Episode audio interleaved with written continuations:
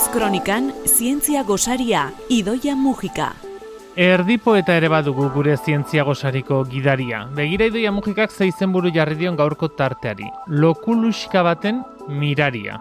Zertaz ari ote gara lerreburu honekin? Idoia mugika, materiaren fizika zentruko komunikazio eta divulgazio hartu laduna. Kaixo idoia? Kaixo. Lokuluxka baten miraria. Horren atzean, zer eskutatzen den argituko dugu gaur.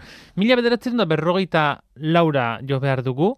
Mila da berrogeita lauko otzailen lehenengo aldiz lortu baitzen giza obulu baten in vitro fertilizazioa. Hori da, lehenengo aldiz Hernaldo egin zan ovulo bat, espermatozoide batekin. Ba, In vitro bidez. Hori da, ez dakienaren zat, eta ba, gorputzetik kanpo, Kanpo, bai. lortzea, ernaltzea, ez? Elkartzea, eta ba, hain erras gertatzen dana gorputz barruan, Bai. bueno, ez hain erras beti, egia Bai. esateko, da kanpoan lartzea. Bai, historia topatu nuen txiripatz, eta pila gustatu zait, ez nuen ezagutzen, Miriam Menkinen historiari buruzari gera, badakizue askotan, e, aipatzen ditugunean nola izan diran zientzia aurkikuntzak, ba, etortzen zaigu laburua eureka momentu hori, ez? Ba, ez dakit zeini burura, bueno, Newtoni burura erori zitzaiola sagar bat, edo tximista bat hor zebilela, edo plaka petri bat utzi zuela norbaitek aztuta, ba, batean eureka.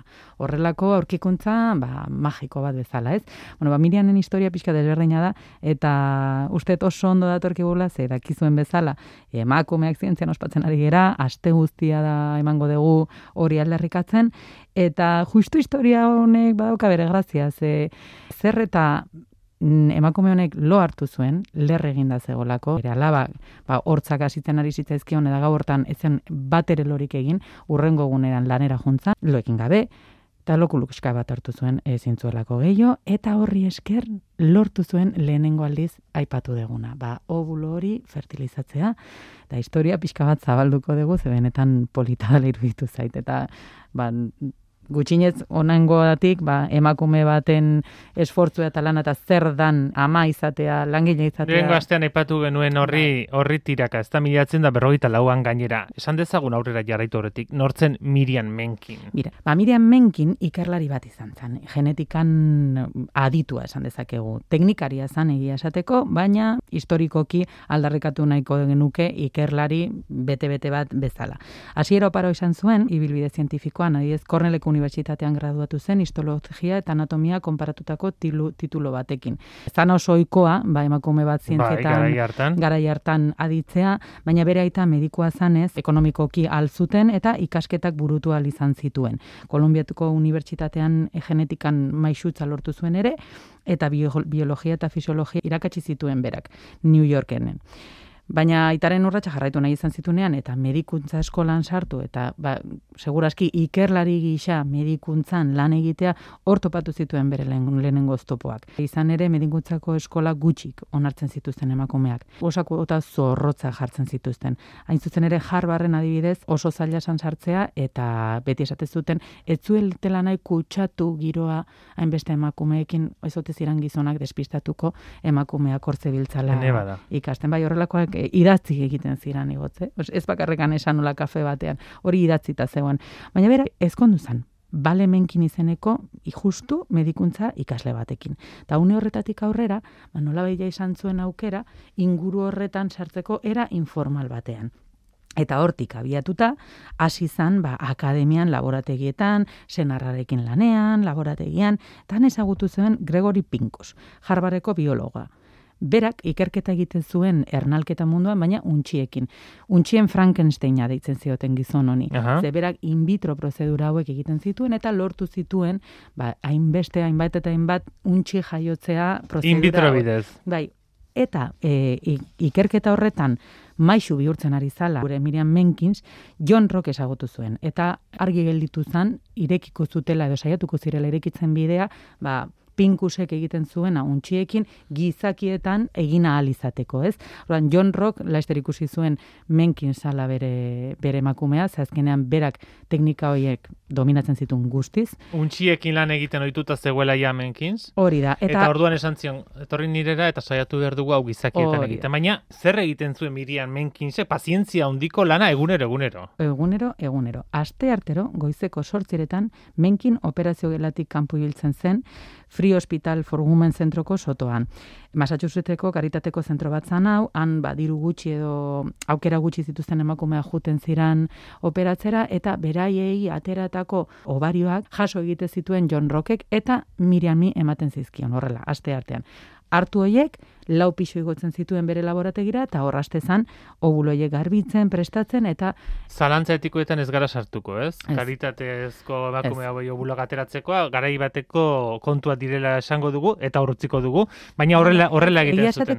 Egia esateko emakume horiek berez ja kendu behar zituzten obarioak, ze gaixotasun bat zeukaten, kantzerra eta bar, orduan, ez zien espreski kentzen ikerkuntzarako, baizik eta tokatzen zanean histerioktomia bat egitea, dala zuzen ere kentzen hartzea, hori tokatzen zanean, ba, antxen zegoen Miriam Menkins, hoiek hartu, eta e, obario batetik hasita, imaginatuko dezuen bezala, zelula bat topatzea, ez gauza erraixa.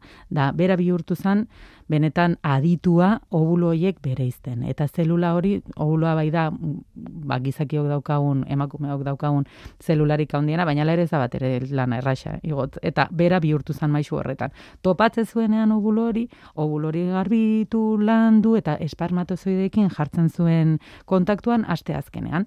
Eta ostegunean gero, e, otoitz egiten zuela esaten zuen berak, aber, aber, aber, ostiralean topatuko zuen, ba, mirari txiki hori gertatu zan, eta e, ovulo hori eta espermatozoide hori, ba, bat egin ote zuten, eta lehenengo aldiz ikusi izango zuten, ba, zer zan gizaki bat, tubotxo batean, ez, ba, ernalduta, ez, bai. Sei urtez egin zuten, hau, sei urtez, ba, teknikari gehi biltzen zan Miriam, eta sei urtez errepikatzen zuten, astero, astero, astero. Egun da hogeita emezortzi astez egin zuten, baina ez zuten lortu ernaltzea. Inoiz ez. Sei urte zor lanean eta ez zuten lortzen. Artu emakume gatera zelula, oh, ernaldu, itxoin, eta etzen lortzen. Bai. Baina esan dugu sarreran. Lokuluiska batek aldatuko zuen dena. Bai, Hori bai, hau jakinda, esan behar dugu, lokuluiska batek aldatu zuela dena, baina aurretik lan ondia zegoela, eh? Bai, noski. Gero, hor zorte sartu zen, baina... Bai, bai, baina beti dago serendipia itzori asko gustatzen zen, zeguna zientzialeri esatea, bai, zorte auki beharrezu, baina zorteak lanean harrapatu behar zitu. Hori eta, eta menkin harrapatu zen. Lanean harrapatu zuten beti. Eta ze gertatu zen lokulusko horrekin, ba? Ba, berak bazeukan bere protokoloa, eta esperimentu bat planteatzen dezunean ez dituzu gauzak aldatu al izaten nahiaina, ze bestela gero ez dakizu zein izan dan aldaketa ba, aurrera egiten nuena. Orduan bere protokoloan, hogeita mar minutu susten zituen kontaktuan espermarekin, eta ba, horron garbiketa batzuk egiten zituen. Esan dakoa.